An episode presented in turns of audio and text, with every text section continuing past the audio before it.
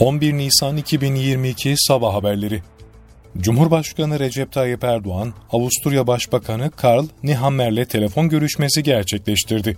Erdoğan, Avrupa'nın doğalgaz alanındaki önemli dağıtım merkezi Avusturya ile bu noktadaki işbirliğini arttırabileceklerini söyledi. Cumhurbaşkanlığı İletişim Başkanlığı'ndan yapılan açıklamaya göre Erdoğan, Nehammer görüşmesinde Türkiye-Avusturya ilişkilerini geliştirecek adımlar ve Rusya-Ukrayna savaşı dahil bölgesel konular ele alındı. Cumhurbaşkanı Erdoğan görüşmede Türkiye ile Avusturya arasındaki son dönemde artan üst düzey temaslardan memnuniyet duyduğunu da ifade etti. Birleşmiş Milletler, Rusya-Ukrayna savaşında Ukrayna'da en az 1793 sivilin hayatını kaybettiğini, 2439 sivilin yaralandığını ve saldırıların ardından 4 milyon 503 bin 954 kişinin komşu ülkeleri geçtiğini bildirdi.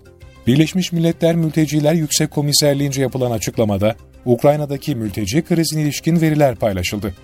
Açıklamada 24 Şubat 9 Nisan döneminde yarıdan fazlası Polonya'ya olmak üzere Ukrayna'dan 4 milyon 503 bin 954 kişinin komşu ülkelere geçtiği belirtildi.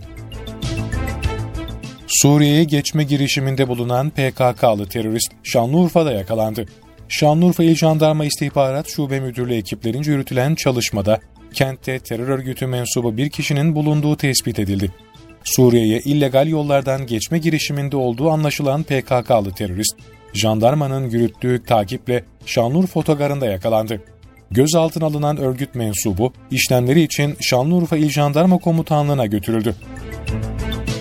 Türkiye'de 5609 kişinin COVID-19 testi pozitif çıktı, 32 kişi hayatını kaybetti.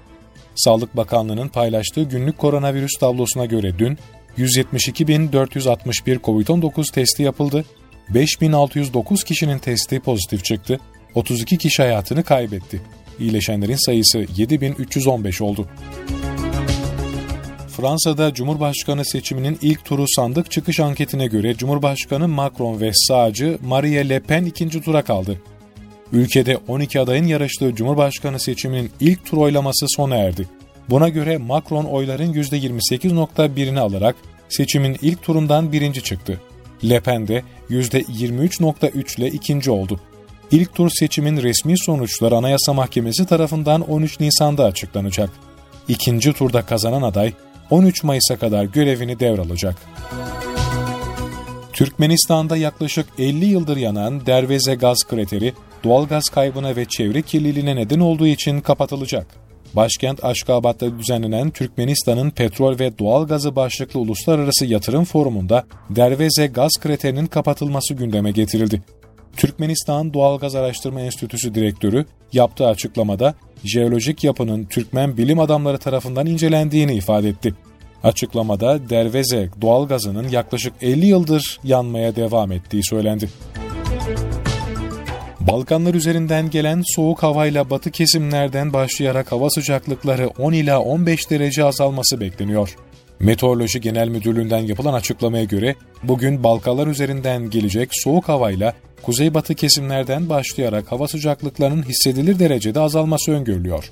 Türkiye'nin büyük bölümünde görülmesi beklenen yağışların ise zamanla kuzey, iç ve doğu bölgelerde yüksek kesimler başta olmak üzere yer yer karla karışık yağmur ve kar şeklinde etkili olacağı tahmin ediliyor.